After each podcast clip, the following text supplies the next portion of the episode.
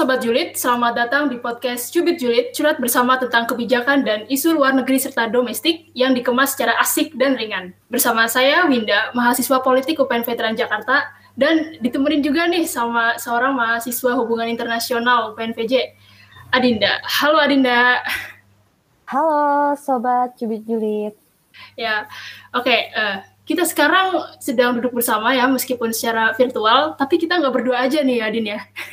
Bener banget. Ada yang spesial di episode ini, kita juga mengundang seorang narasumber untuk bahasan episode ini tentang Taiwan, dissecting Taiwan's military might, its, rele its relevance in East Asia.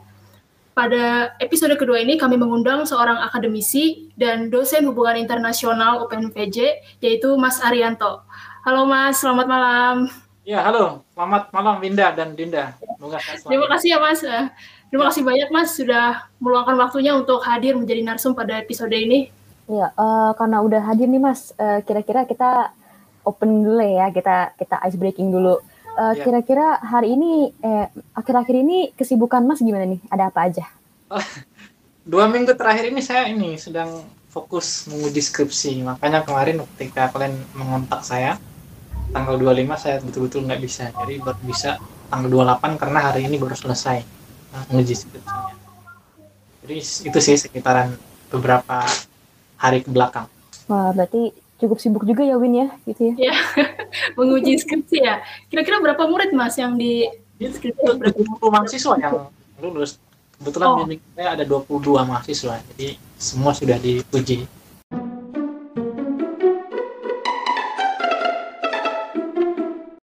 akhir-akhir ini kan uh, hubungan antara Taiwan dan Tiongkok itu sendiri sedang memanas ya Mas. Bertepatan juga nih uh, dengan momen peringatan 100 tahun Partai Komunis Cina ya. Di mana dalam pidatonya Presiden Xi Jinping sempat menyinggung tentang proses reunifikasi secara damai. Namun Taiwan dengan tegas menyatakan uh, tetap menjaga kedaulatannya dan tidak akan tunduk. Nah, kalau membahas cerita itu kan ya Mas, peristiwa itu kayaknya erat ya kaitannya dengan bagaimana sih sejarah masa lalu dan unsur militernya. Jadi boleh dong Mas ceritain gimana sih karakteristik militer dari Taiwan itu sendiri sejak tahun 1949? Iya, oke. Okay. Uh, eh, sebelum masuk ke situ mungkin saya ingin sedikit memberikan apa uh, pengantar ya sebelum masuk ke um, apa pembahasan soal militer uh, Taiwan ini sendiri dari masa ke masa mungkin uh, nilai strategis Taiwan itu paling penting yang harus uh, kita pahami bersama. Karena ketika hendak mengkaji isu-isu strategis seperti ini kata kunci nilai strategis sebuah negara itu penting ya, didefinisikan. Jadi Taiwan itu kan kalau di mata negara-negara barat dan timur itu berbeda sekali. Ya, barat dalam hal ini Amerika Serikat dan sekutunya. Kalau timur itu Tiongkok itu sendiri. Sebenarnya Taiwan itu Tiong Timur juga Tiong eh, apa uh, satu daratan ya satu satu benua dengan uh, Asia tetapi karena ada doktrin soal persepsi mereka bagaimana mereka menyikapi nilai strategis Taiwan itu akhirnya terjadilah uh, apa semacam perimbangan kekuatan di sana. Nah di sinilah nanti persepsi awal ini yang akan kita bedah kita coba masuki dalami uh, dalam memahami uh, perkembangan uh, militer Taiwan itu sendiri ya. Nah tadi kan uh, pembahasan utamanya adalah bagaimana sih memahami uh, periodisasi atau revolusi mungkin evolusi ya dari militer Taiwan ini sendiri ya. Untuk memahami itu sebenarnya kita selalu mengkaji dua hal. Yang pertama adalah perkembangan kebijakan strategis mereka yang kedua adalah bagaimana implementasi kebijakan militer tersebut di negara-negara tetangga. Ya. Nah, untuk Taiwan ini sebenarnya ada tiga periodisasi perubahan uh, doktrin militer. Ya. Jadi mereka di masa uh, yang pertama adalah di masa uh, Kuomintang, ya. KMT. Kalian kan sudah meningkatnya dengan bahasa KMT, Kuomintang. Ini sekitar tahun 1924 sampai 1955 jadi di masa ini tuh uh, sebenarnya campur tangan asing itu belum ada. Jadi uh, di masa periode 1924 sampai 1955 itu hanya terjadi internal uh, Asia Timur itu sendiri. Jadi antara Tiongkok dan Taiwan itu sebenarnya tadinya itu satu satu bangsa satu negara di mana dulu eh, Taiwan yang sekarang itu bukan di situ posisinya tetapi di Tiongkok daratan ya. Jadi Tiongkok daratan inilah yang hari ini disebut dengan Beijing atau orang menyebutnya uh, Cina itu Republik Rakyat Tiongkok atau Republik Rakyat Cina sedangkan uh, apa Taiwan itu Republik Cina atau Republik Tiongkok. Nah ketika menjelang perang dunia kedua berakhir ternyata uh, doktrin militer daripada Taiwan itu difokuskan untuk memenangkan uh, perang melawan uh, Partai Komunis Tiongkok, namanya Cina Daratan.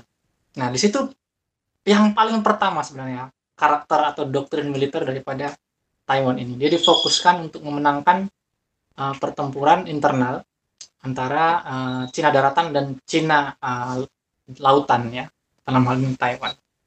Nah, ternyata dari selama perang tersebut kan menciptakan perang saudara ya ya ada perang saudara di sana dan ternyata dimenangkan oleh partai komunis. Dalam hal ini Cina Daratan. Sehingga mau tidak mau terjadi pergeseran pertama kali uh, doktrin militer Taiwan. Yang tadinya fokusnya adalah memenangkan uh, apa uh, partai memenangkan perang dan komunis sekarang ternyata dia kalah. Nah di periode memasuki perang dingin nah ini yang paling seru sebenarnya.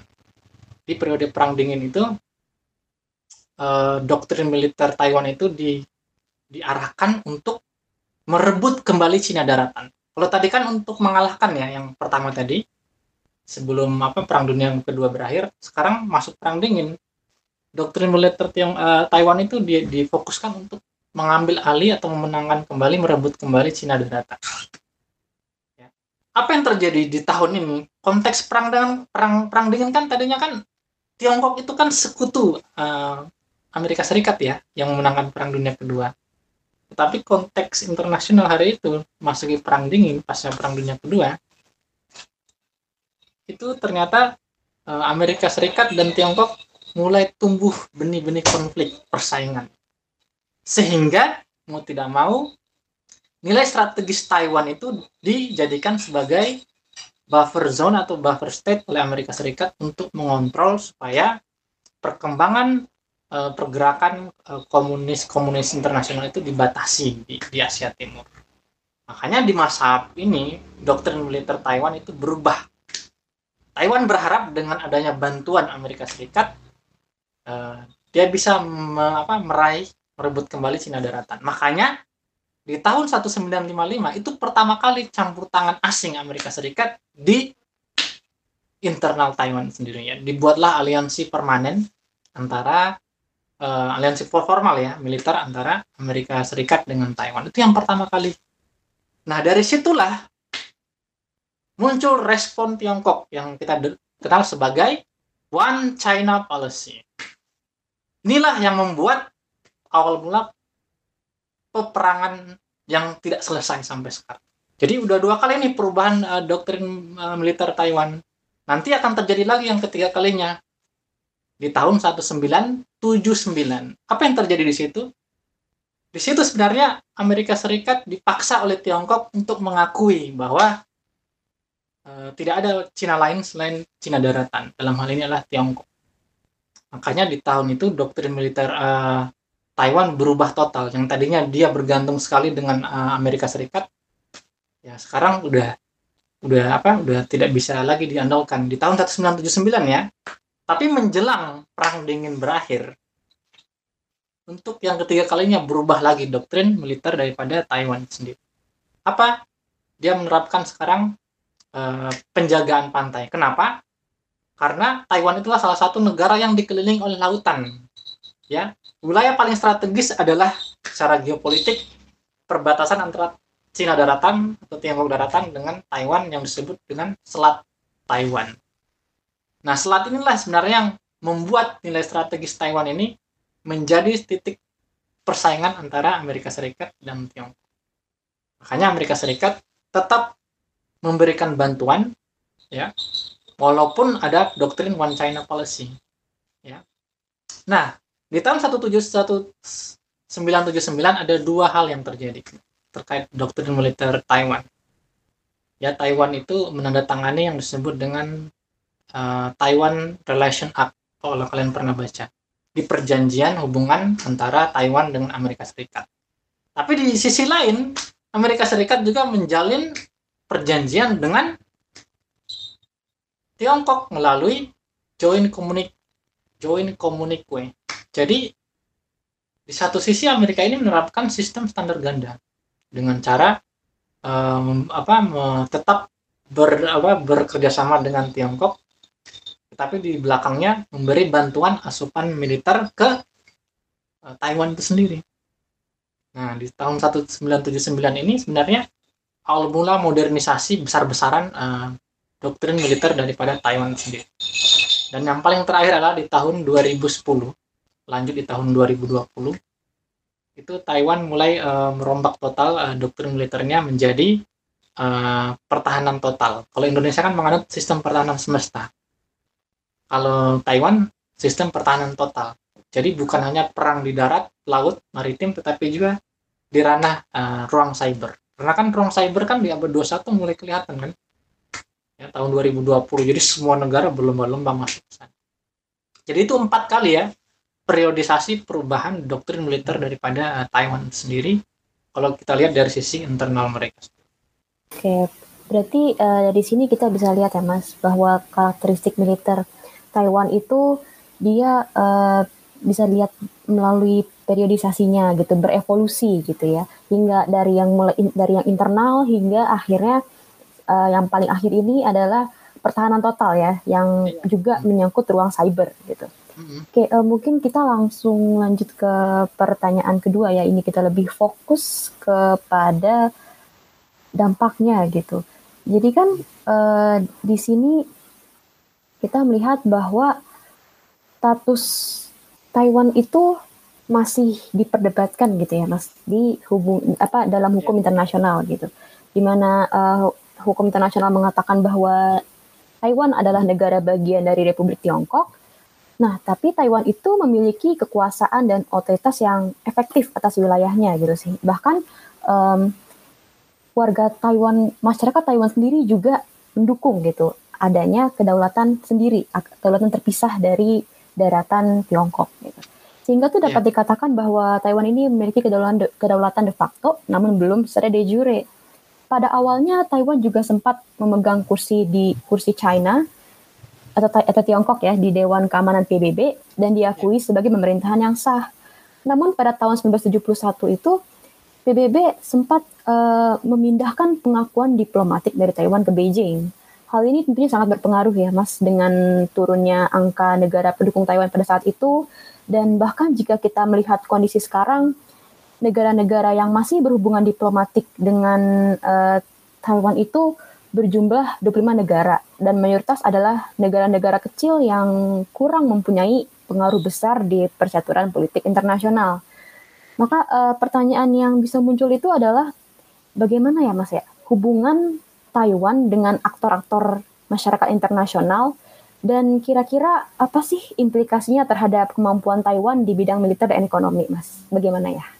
Jadi pengantarnya bagus sekali ya apa uh, sejarah uh, kapan sih pertama kali uh, Taiwan itu mendapatkan legitimasi secara uh, de facto ya dan berhasil juga menempati posisi sebagai dewan anggota tetap Dewan Keamanan PBB. Ini kembali ke konteks yang saya sampaikan tadi, makanya di awal saya, saya sampaikan bahwa periodisasi revolusi daripada uh, apa perkembangan Taiwan itu perlu dilihat juga secara politik selain secara militer nih. Secara politik sebenarnya Taiwan ini salah satu negara yang paling beruntung. Cuman dulu namanya belum Taiwan ya. Dulu namanya itu masih Republik China atau Republik Tiongkok. Makanya ketika perang dunia kedua meletus, sebenarnya Amerika Serikat, Tiongkok ya, apa Taiwan itu sama-sama sebenarnya, sama-sama dalam satu sekutu ya dulu namanya belum belum Republik uh, Tiongkok ya, tapi masih masih Tiongkok. Tiongkok satu, entah Tiongkok daratan, Tiongkok lautan masih satu. Tetapi ternyata ketika Perang Dunia Kedua berakhir, yang tadinya uh, Taiwan ini masih di daratan, ya, di bawah uh, pemimpinan Kuomintang ya uh, itu tetap uh, apa menjadi mitra atau sekutu daripada Amerika Serikat. Sehingga dia secara gratis sebenarnya masuk sebagai anggota Dewan Tetap Keamanan PBB itu tidak ada hambatan sama sekali.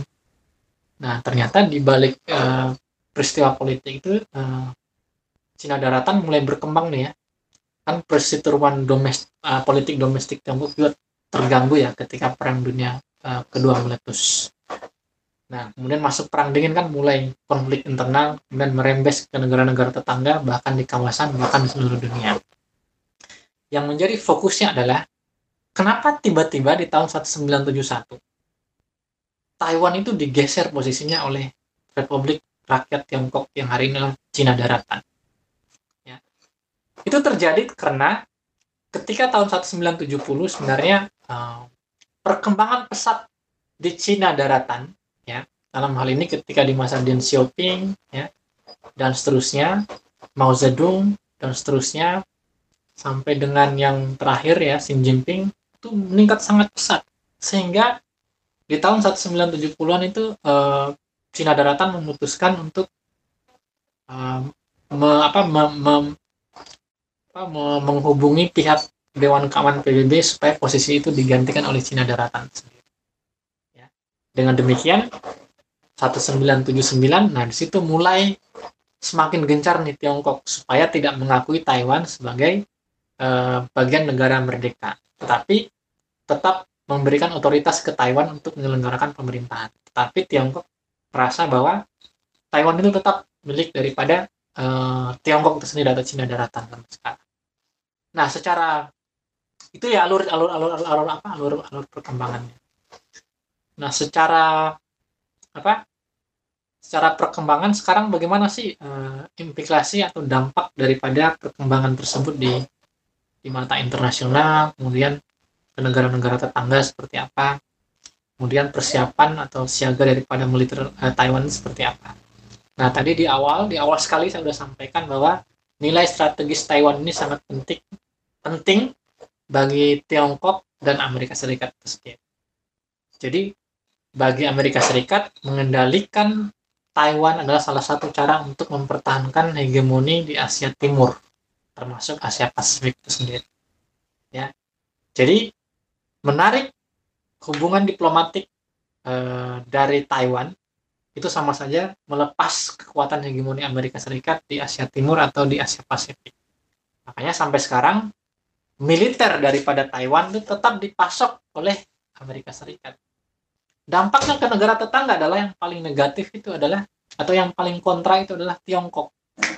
Karena Tiongkok itu langsung berbatasan dengan Taiwan di Selat Taiwan. Tetapi Taiwan itu kan kalau kalian lihat peta secara geografis itu dibanding dengan peta Tiongkok itu kecil sekali. Kayak gajah dengan semut ya. Cuman karena posisi strategis tersebut ya lagi pula, Taiwan itu berada di kawasan Laut Tiongkok Selatan yang merupakan cakupan Nine Dash Line, ya, sembilan garis putus-putus yang diklaim oleh Tiongkok. Jadi mau tidak mau istilahnya Taiwan ini secara militer memang dia kuat kalau di belakangnya diperlihatkan Amerika Serikat. Tapi kalau dibandingkan secara uh, face to face dengan Tiongkok, saya kira tidak tidak tidak ada tidak signifikan. Salah satu uh, pidato daripada Menteri Pertahanan Tiongkok meski sebesar apa pun kekuatan Taiwan tapi kalau Tiongkok uh, berupaya untuk menyerang Taiwan mungkin satu jam sudah bisa diduduki. Tapi bukan itu poinnya sebenarnya. Poinnya adalah di masa Xi Jinping lahirnya jalur sutra Tiongkok abad ke-21 itu Tiongkok ingin dia muncul secara damai ya. Peaceful rise state ya. Jadi negara yang muncul dengan cara damai bukan dengan perang. Makanya sekeras apa pun Taiwan menjelek-jelekan atau menyudutkan Tiongkok Tiongkok tetap terbuka. Selama negara-negara yang mendukung Taiwan ini tidak uh, membuka dua kantor diplomatik. Ya hanya satu saja itu pilihan. Apakah ke Taiwan apakah ke Tiongkok. Ya. Diusahakan one China policy tetap di, di jadi dampaknya ke kawasan yang pertama adalah bahwa selama aliansi eh, apa Taiwan dengan Amerika Serikat terus berlanjut, maka ketegangan di Asia Timur itu tetap akan terjadi. Ya, mau tidak mau, perkembangan militer daripada Taiwan akan menjadi ancaman bagi Tiongkok itu sendiri, atau dilema keamanan di Asia Timur. Ya, jadi eh, kata Tiongkok segera Amerika Serikat melepaskan aliansinya dengan Taiwan dan mendorong Taiwan untuk segera melakukan reunifikasi dengan uh, Cina. Ya, dalam kata lain, kalau Amerika Serikat tetap memasok militer senjataan alutsista ke Taiwan secara terus-menerus, terang-terangan atau sembunyi-sembunyi itu merupakan salah satu pelembagaan ancaman bagi Tiongkok itu sendiri. Jadi kalau dari sisi timur, dari perspektif timur, Taiwan itu sebenarnya saudara daripada Tiongkok Tapi dari sisi barat, Taiwan itu yang musuh bagi Tiongkok. Jadi perbedaan persepsi ini harus dipahami juga. Ya. Makanya cara mendamaikan antara Amerika Serikat antara Tiongkok dan Taiwan salah satunya adalah menghentikan aliansi militer antara Amerika Serikat dengan Taiwan dan yang kedua adalah mendorong reunifikasi ya antara Taiwan ke uh, Tiongkok itu sendiri ya jadi itu yang bisa dilakukan karena sejauh ini sebenarnya yang menjadi musuh utama atau dampak ke negara-negara tetangga itu adalah hanya ke Tiongkok dan ke Korea Utara. Kalau Taiwan, Korea Selatan kan mereka temanan juga. Taiwan dengan Jepang mereka temanan juga. Taiwan dengan Singapura temanan juga. Taiwan dengan Indonesia pernah temanan juga dari segi ekonomi kita berdagang dan seterusnya. Jadi dampak dampak kontranya itu hanya ke Tiongkok aja. Kenapa itu terjadi? Karena Amerika Serikat hanya bisa melakukan itu di Asia Timur. Di depan selat Taiwan. Kalau dengan Jepang kan dia udah lama membangun aliansi sejak Perang Dunia Pertama meletus, jatuhnya bom atom di Hiroshima dan Nagasaki. Itu militer Jepang masih tetap dikontrol oleh Amerika Serikat. Tapi Taiwan berbeda. Ya, Taiwan itu bebas mengembangkan militernya, tidak ada perjanjian khusus. Jadi dampak negara-negara tetangga itu yang paling besar adalah ke Tiongkoknya itu sendiri, terutama dari segi uh, keamanan maritim, perbatasan di laut ya, dan keamanan udara. Karena dari segi alutsista dua negara ini memang melakukan perlombaan senjata meskipun tidak simetris, ya. Tapi di darat karena mereka tidak ada apa dar wilayah darat yang mengumumkan, ya akhirnya tidak menjadi prioritas. Makanya salah satu priorisasi doktrin militer Taiwan itu di tahun 19 uh, eh, sorry di tahun 2010 itu ya penjagaan terhadap lepas pantai. Jadi sampai sekarang sistem pertahanan total itu adalah itu empat kali periodisasi uh, kegiatan uh, perombakan militer daripada uh, Taiwan sendiri.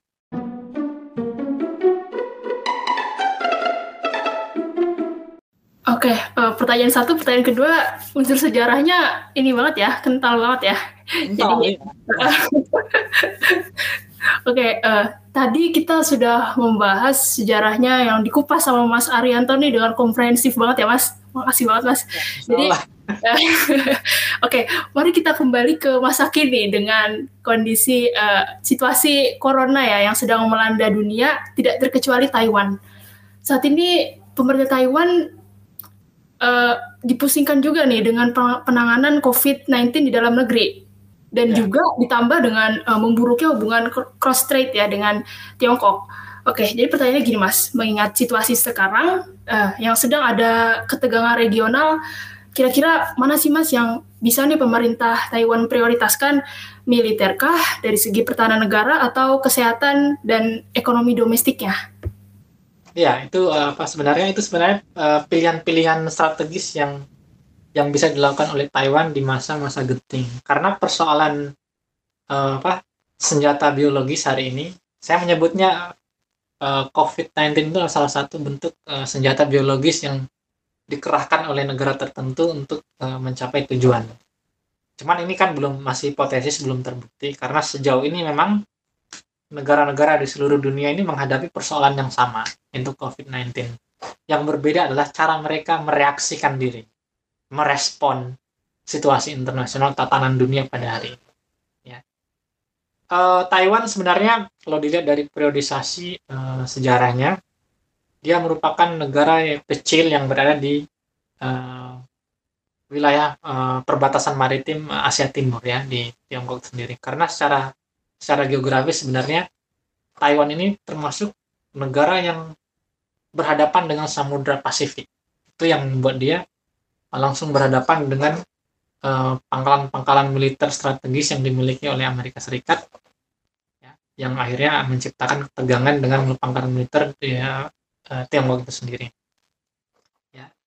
Nah, uh, untuk persoalan opsi tadi, mana sih yang paling prioritas yang bisa dilakukan oleh Taiwan? Apakah mengembangkan militernya, menaikkan anggaran militernya, atau memprioritaskan ekonominya, atau mungkin uh, segera menggunakan anggaran-anggaran tadi, mengalihkan anggaran-anggaran yang dua tadi ke anggaran kesehatan.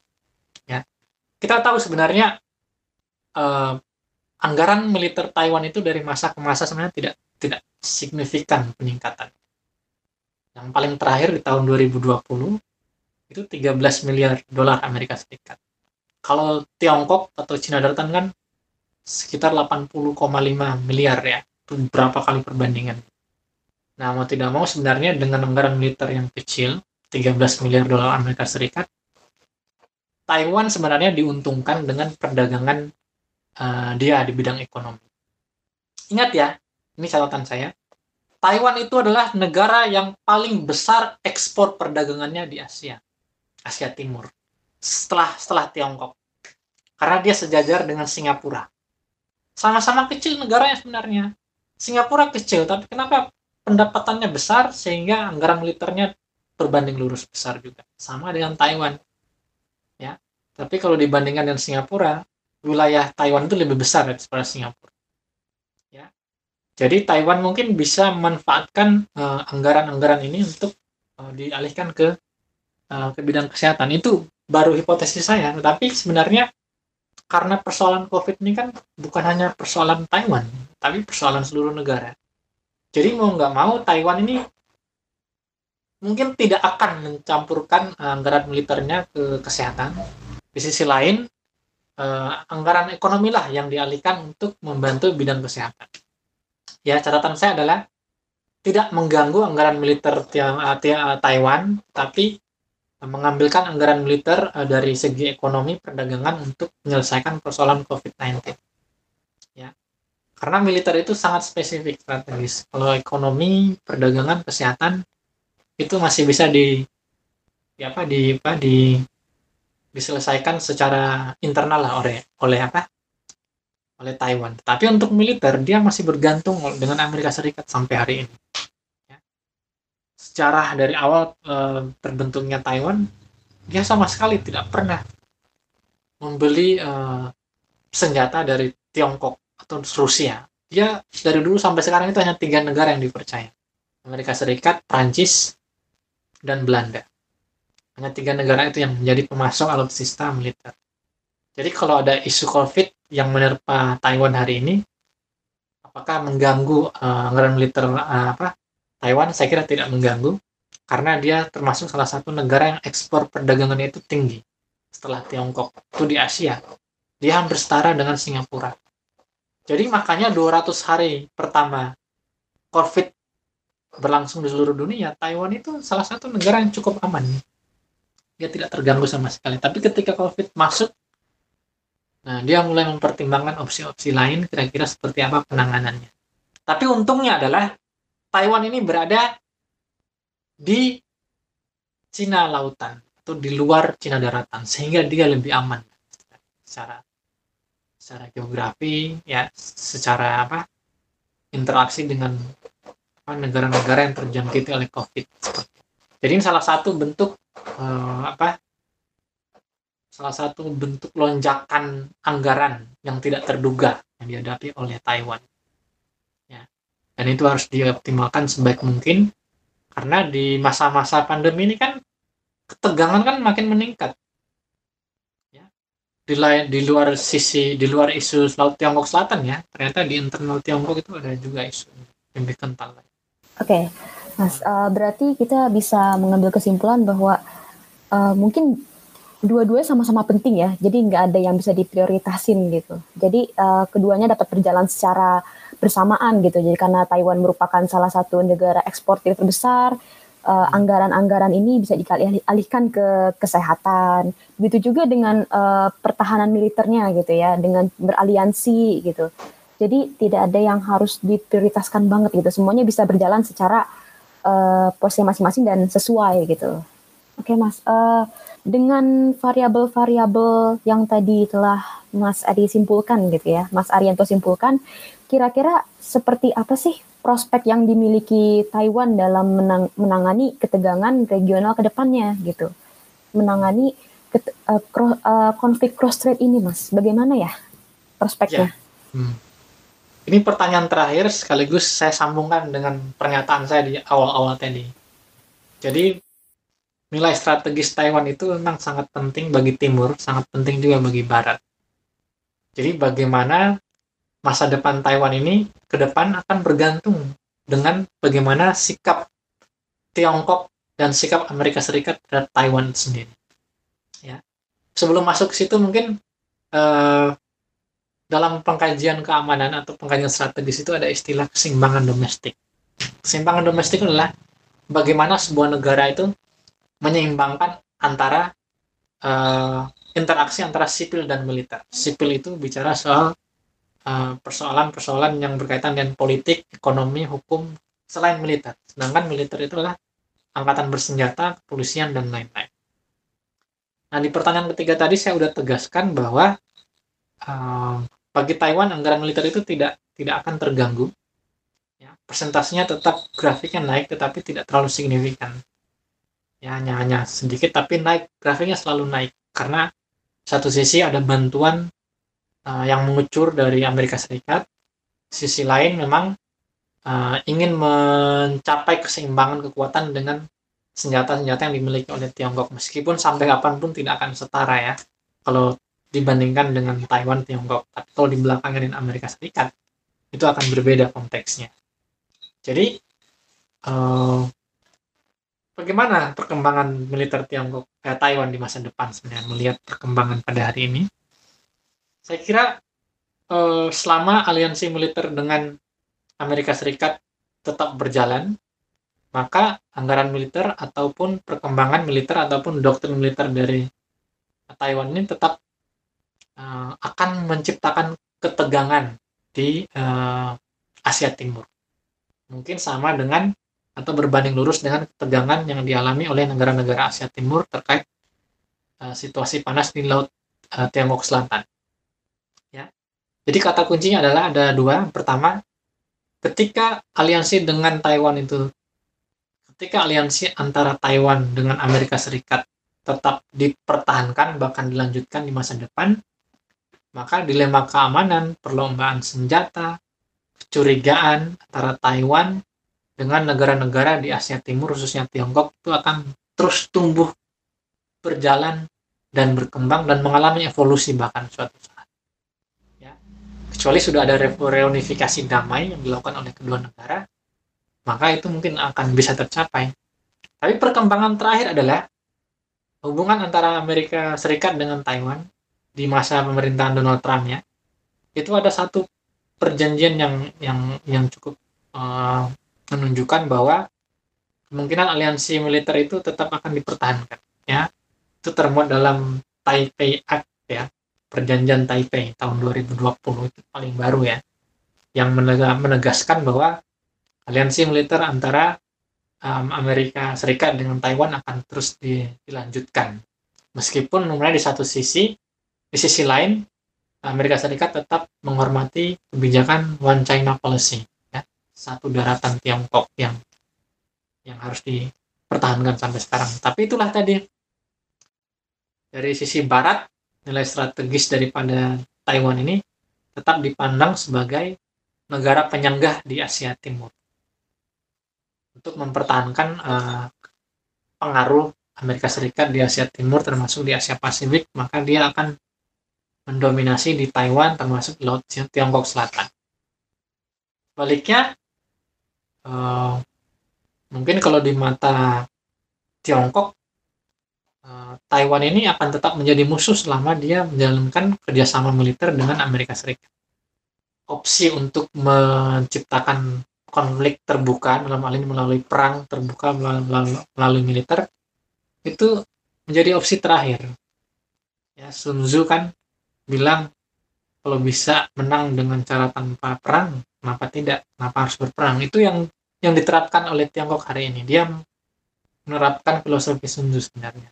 Karena bagi Tiongkok Taiwan itu adalah saudara, ya saudara kandung istilahnya, bukan orang lain. Tapi adu domba Amerika Serikat itu membuat wilayah Asia, khususnya Asia Timur, itu sangat terganggu sampai hari ini.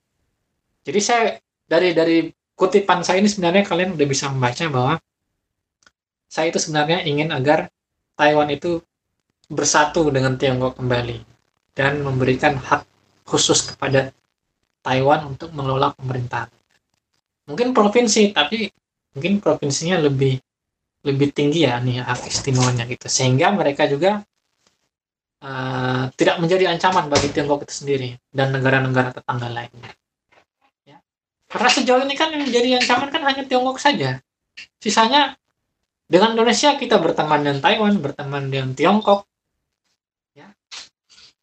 Taiwan itu hanya berkonflik dengan Tiongkok dan Korea Utara. Sisanya berteman semua. Itulah anomali di Asia Timur dan anomali di Asia Tenggara, Asia Pasifik ya rata-rata kehadiran Amerika Serikat itu selalu menjadi batu sandungan bagi negara-negara yang, yang ingin bersatu di kawasan tersebut ya.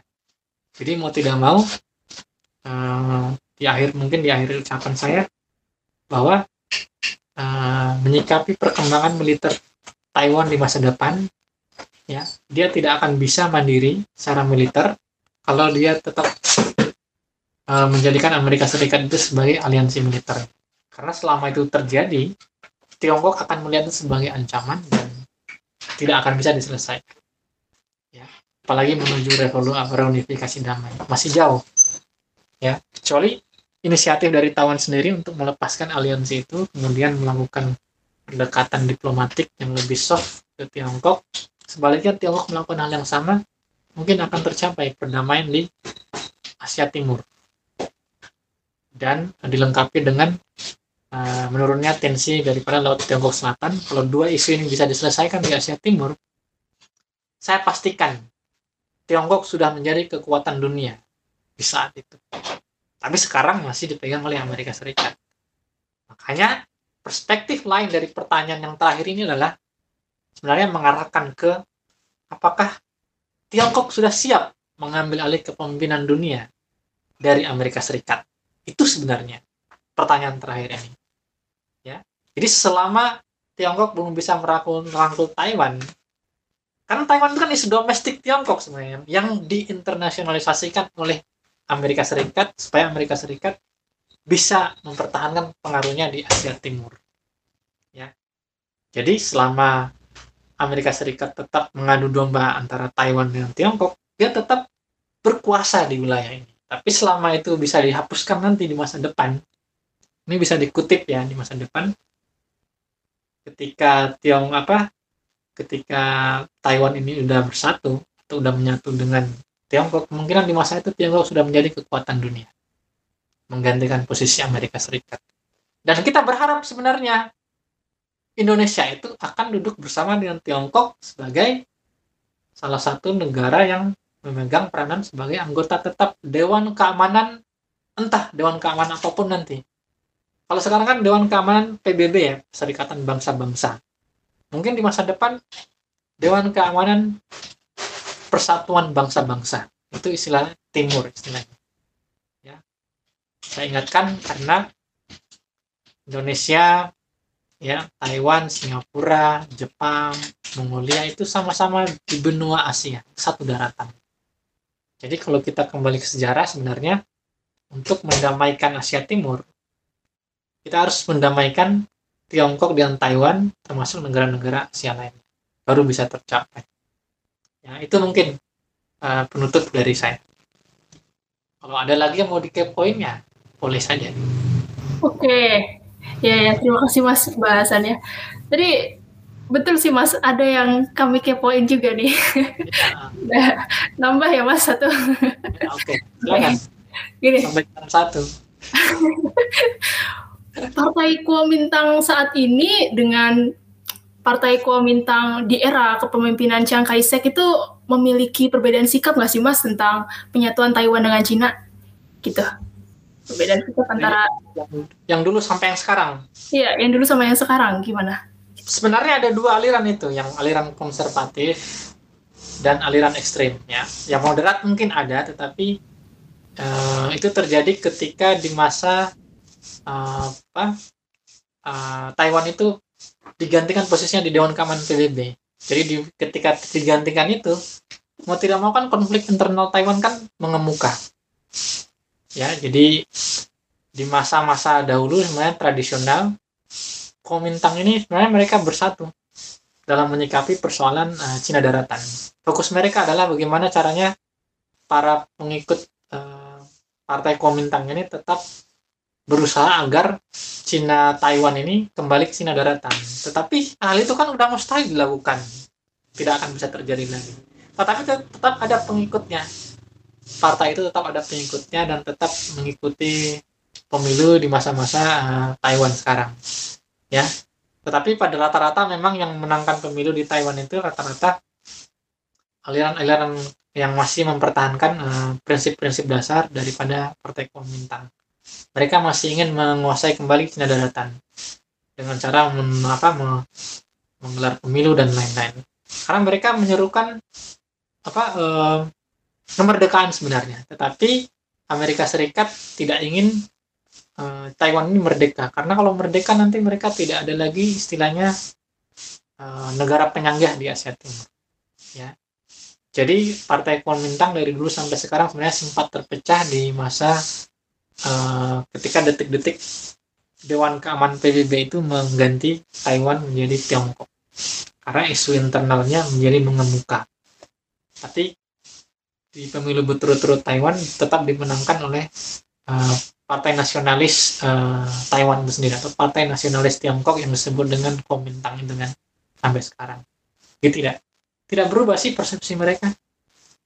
Nah, itu mungkin itu mungkin apa istilahnya idiosinkretis ya jadi orang-orang tokoh-tokoh yang masih percaya dengan kembalinya nanti Taiwan ke Cina daratan itu mereka masih tetap mengejar itu. Tetapi itu sudah mustahil karena Cina daratan sudah berkembang sedemikian rupa ya sudah jauh sekali. Opsinya adalah apakah mereka tetap mempertahankan tradisionalisme Kuomintang atau mungkin bersatu dengan partai komunis. Karena ada dua partai itu yang paling besar di Cina itu PKC, Partai Komunis Cina dan Partai Kuomintang. Dan evolusi-evolusinya mungkin ada perpecahan anak-anaknya tapi tidak tidak terlalu jauh. Ya udah cukup banget kok Mas sudah menjawab banget nih eh, tentang ya episode ini. Mungkin karena udah nyampe di penghujung waktu ya. Mungkin nanti pendengar podcast ini, pendengar episode ini bisa sambil mendengar sambil memberi menulis catatan-catatan ya karena ini aduh daging banget mungkin bahasa daging ya. Potong-potong aja kalau terlalu panjang. Mungkin ada bagian udah mas uh, oke. Okay. mungkin uh, udah udah sampai penghujung acara. Kita kita tutup ya. Jadi ya. terima kasih ya Mas Arianto sudah menemani kita. Ya Adinda. Sama-sama. Terima kasih Terima kasih ya Mas. Oke, tunggu episode selanjutnya ya. Nanti kita akan kembali dengan bahasan-bahasan menarik selanjutnya. Podcast Cubit Julid curhat bersama tentang kebijakan dan isu luar negeri serta domestik yang dikemas secara asik dan ringan.